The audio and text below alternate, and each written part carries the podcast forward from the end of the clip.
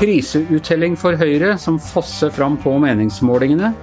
Og bør vi alle bruke maske, og hvor skal vi i så fall få dem fra? Dette er Giæver og gjengen, det er torsdag den 2. april. Og jeg har med meg her på link både Tone Sofie Aglen og Per Olav Ødegaard. Og først til deg, Tone Sofie. Altså, nå så vi det har kommet noen meningsmålinger de siste dagene. Aftenposten, NRK og TV 2 som alle viser den samme tendensen, altså at Høyre får uttelling på regjeringens krisehåndtering? Ja, vi ser at uh, velgerne kommer tilbake til Høyre. Og det er ikke bare Høyre som uh, gjør det bra til velgerne. Også Arbeiderpartiet ser vi har litt den uh, samme effekten. Og i tillegg til at Høyre gjør det bra på målinger, så tyder jo mye av det vi ser at det, det, er betydelig oppslutning rundt Erna Solbergs lederskap og den måten hun har håndtert eh, koronakrisen. Og det, det, er noe vi ser føyer seg inn i et ganske internasjonalt mønster om dagen. Ja, For det første så rimer det med de, den undersøkelsen som vi stadig har referert til her, hvor, hvor de fikk noe voldsom eh, Altså myndighetene generelt fikk en veldig tillitsvotum for sin håndtering. Jeg tror det var 90 eh, kontra 6% som syntes det var, var dårlig håndtert. Og så er det som du sier at vi, vi ser det ser vi jo internasjonalt òg, Per Olav, at selv Donald Trump, som man vel, vel må kunne si har uh, hatt litt problemer med hvordan han skulle gripe av denne saken, uh, konsoliderer jo sin stilling under denne krisa. Han gjør det. Han har jo fått en opptur i målingene. Skårer vel høyere enn han kanskje har gjort på noe tidspunkt siden innsettelsen. Da. Men samtidig så er den økningen hos han langt mindre enn du ser hos ledere i Europa, sånn som eh, Macron i Frankrike, Merkel i Tyskland, Boris Johnson, men også blant eh, ledere som sitter i eh, virkelig hardt rammede land som Conte, som jo har hatt en sterk og voldsom oppslut, økende oppslutning i disse dagene her. Hvordan tror du Tone Sofie, at dette slår an? Altså En ting er på, på riksplan, hvordan tror du det slår an f.eks. i disse berømte kommunene som ikke vil ha søringer, og ah, der, der hvor eh, Eller jo eh, Oslo med eh, Raymond Johansen, de, hvor, hvor, de har tatt litt sånn ekstra grep og vist litt ekstra styrke. Tror du de vil få samme type uttelling? Det kan være. Vi vet jo at ordførere generelt gjør det jo veldig godt i valg. Men jeg tror nok eh, det vi ser nå, er nok særlig den der leirbåleffekten eh, eh, som vi har Det er jo forska ganske mye på det, særlig i USA, hvor vi ser at presidenter gjør det veldig bra. Særlig i krig, men også andre typer kriser. Naturkatastrofer og andre ting. hvor bare en, sånn, en annen parallell i dag. Da. Uh, vi snakker jo mye om de her europeiske lederne, men vi ser jo akkurat det samme i Sverige.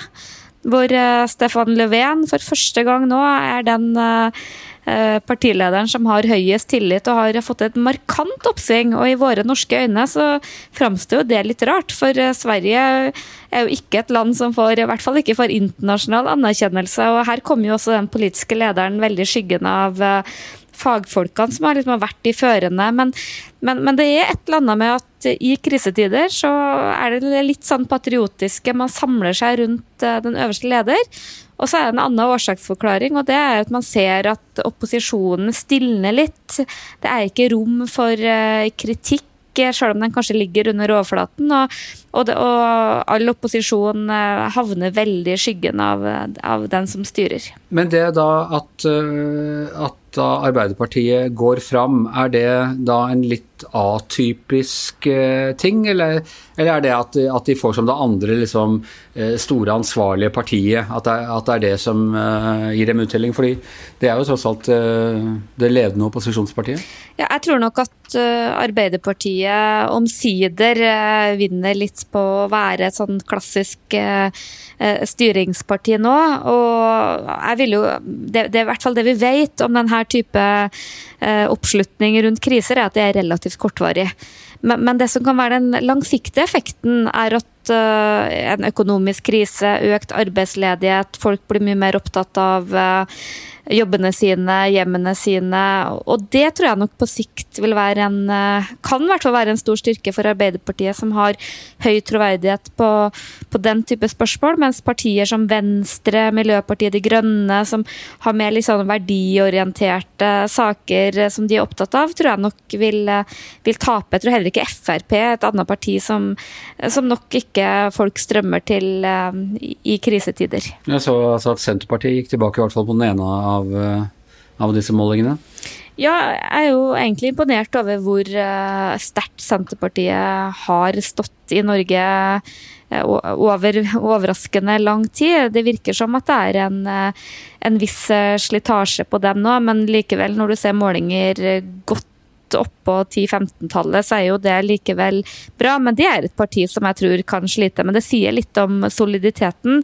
Og nå har jeg sett litt på en del av de bakgrunnstallene som er til de, de, mediene som har hatt målinger. og Det viser jo at eh, det er ikke nødvendigvis så veldig mange nye velgere som kommer, men eh, særlig de som har sittet på gjerdet og, og, tvilt på f.eks. Høyre og Erna, de kommer strømmende tilbake. Senterpartiet er også selvbergingspartiet, det er mulig at det gjør at de, at de holder litt bedre. Per Olav, du ville si noe? Ja, jeg tror det er riktig som Tone Sofie sier, at den den effekten kan på et vis være også ganske kortvarig, og det har vi jo mange historiske eksempler på. Um, Winston, eh, etter kriger og katastrofer. Da. Winston Churchill ledet eh, Storbritannia gjennom krigen, og, og folket vraket ham når det ble fredstid. Eh, og vi så George W. Bush hadde ekstrem høy oppslutning etter 11.9. Eh, og avsluttet sin presidenttid eh, meget lavt på målingene.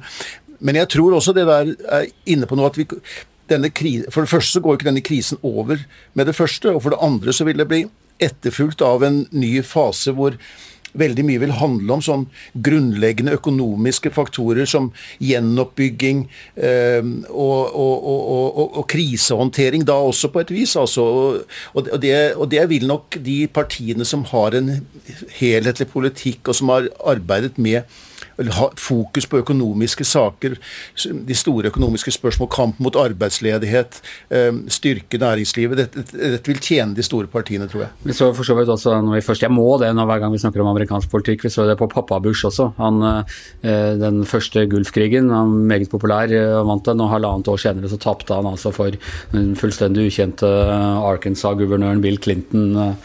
Eh, ja det er, livs, det er, ikke noe livsvarig over disse målingene. Det er det ikke. Det, det er, er forbigående. Men, sånn sett. Eh, Tone Sofie, hva, det, og dette skjønner jeg bare blir tro, men eh, hva tror du altså Vi snakker om hva gjør dette med næringslivet, hva gjør dette med kulturen, hva gjør det med arbeidslivet.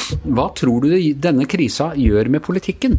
Eh, vil, den, uh, vil den forandre, vil det bringe et nytt alvor inn eh, i politikken? Du så jo liksom samarbeidsregjeringen og sånne ting etter, etter annen verdenskrig, hele 50-tallet, som var preget av en veldig sterk, nesten autoritær konsensuskultur.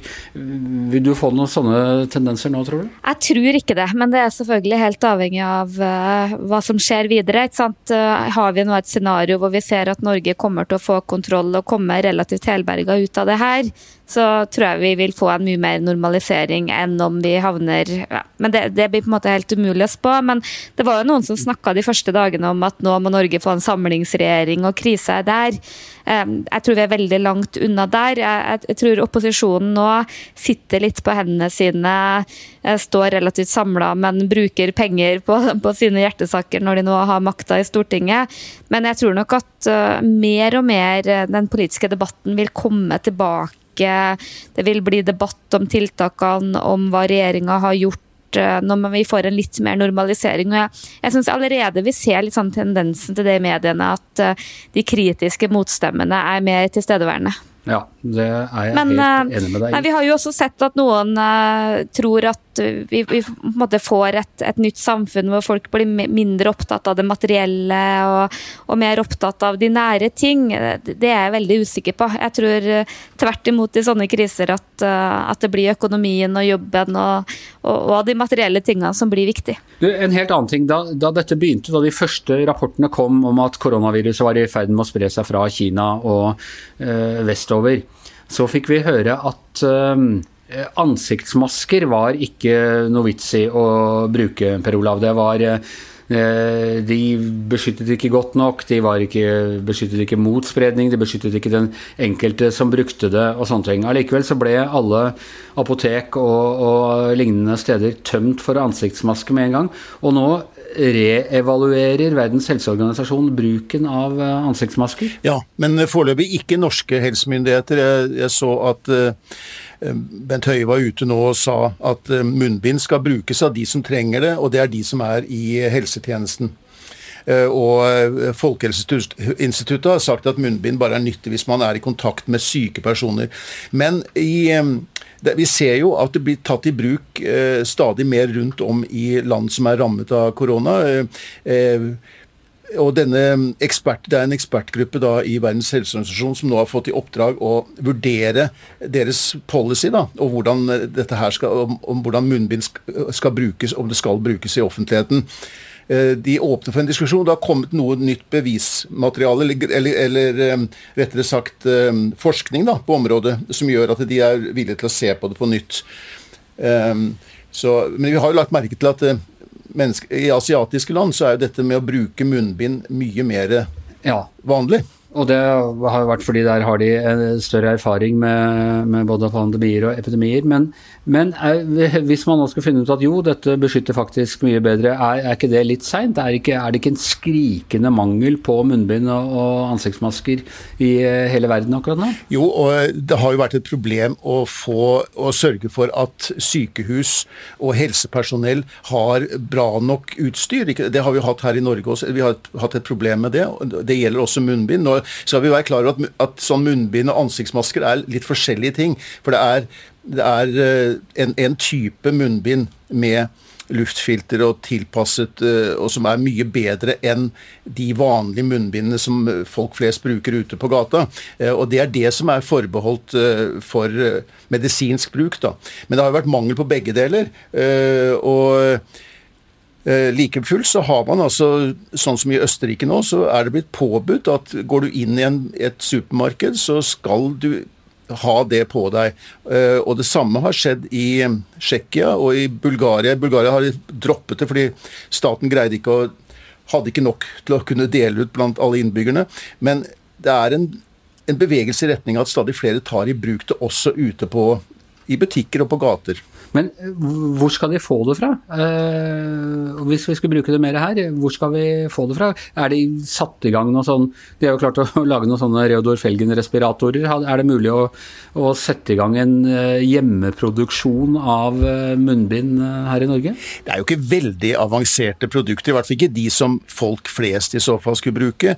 Et av de landene som har vært mest effektive å bekjempe korona, er jo Taiwan, som vi har snakket om tidligere. Der produserer de altså hver dag 13 millioner eksemplarer av det. det og det er på en befolkning på 24 millioner. De har også lovet nå å sende 7 millioner sånne masker til eh, Europa.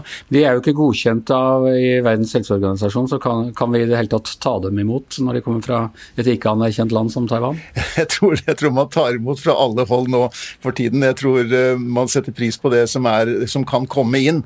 Men det er, det, jeg så en sånn rapport der som ble utarbeidet på Eh, MIT, The Massachusetts Institute of Technology. Det er jo noe, det er jo seriøse, virkelig seriøse forskninger. Og de, de snakket om dette at eh, når de hadde målt dette her i i laboratorium så kunne man se at hoste f.eks. sprer seg opp til seks meter, og når du nyser, så kan det spre seg opp til åtte meter.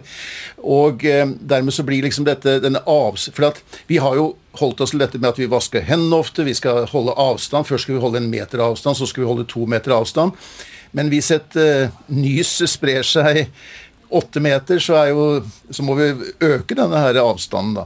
Eh, og det var, det var, da de kom opp med dette at det kanskje kan det være riktig å bruke munnbind i flere sammenhenger, eh, i, eh, også ute på gata. Eh, Tone Sofie, Senterpartiet har selvbergingstanken, og de i sin tid skulle lage sine egne vaskemaskiner.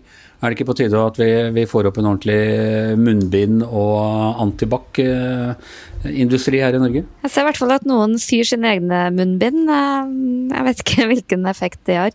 Jo, det er jo en del av diskusjonen, nå, det for eh, smittevernutstyr er jo, er jo eh, virkelig attraktivt på det internasjonale markedet, og det er jo derfor myndighetene sier at de er veldig forsiktige med å opplyse om hva som finnes og ikke finnes. Og nå har jo til og med regjeringa lempa på forskriften om hjemmebrenning, nettopp for at folk skal produsere sin egen håndsprit. Det er jo noe vi har holdt med i Trøndelag i veldig mange år, men eh, mest til innvortes bruk. Apropos Reodor Felgen. Men jeg tror, noe, jeg tror også noe av dette med at, at man her i landet, helsemyndigheter og sånn, har advart mot det, eller i hvert fall ikke åpnet for det, er at de mener at det kan gi en slags falsk trygghetsfølelse. Eh, dette her, hvis du hvis du bruker munnbind ut sånn, så må du på en måte ha det på hele tiden. og Du kan, du kan eh, spre smitte til deg selv hvis du tar det av og på. Og, du, og, du, og, du, eh, og det som er at de har prioritert at dette med håndvask og avstand er, liksom, er viktigere enn dette her. For det er, og, de er jo heller ikke slik de vanlige munnbindene de er ikke sånn at de stenger alt ute. Og hvis du puster og den blir fuktig, så har det veldig liten effekt. Så det er jo men det blir jo interessant å se hva WHO kommer opp med, og om det kommer noen nye anbefalinger derfra. Det blir interessant å se, og med det så tror jeg vi klarer, eh, erklærer Giæver og gjengen over for i dag. I hvert sitt hjemmestudio Tone Sofie Aglen, Per Olav Ødegaard, jeg heter Anders Giæver, og mannen som filtrerer bort det verste fra denne podkasten, sitter hjemme hos seg selv og heter Magne Antonsen og er produsent. Takk for i dag.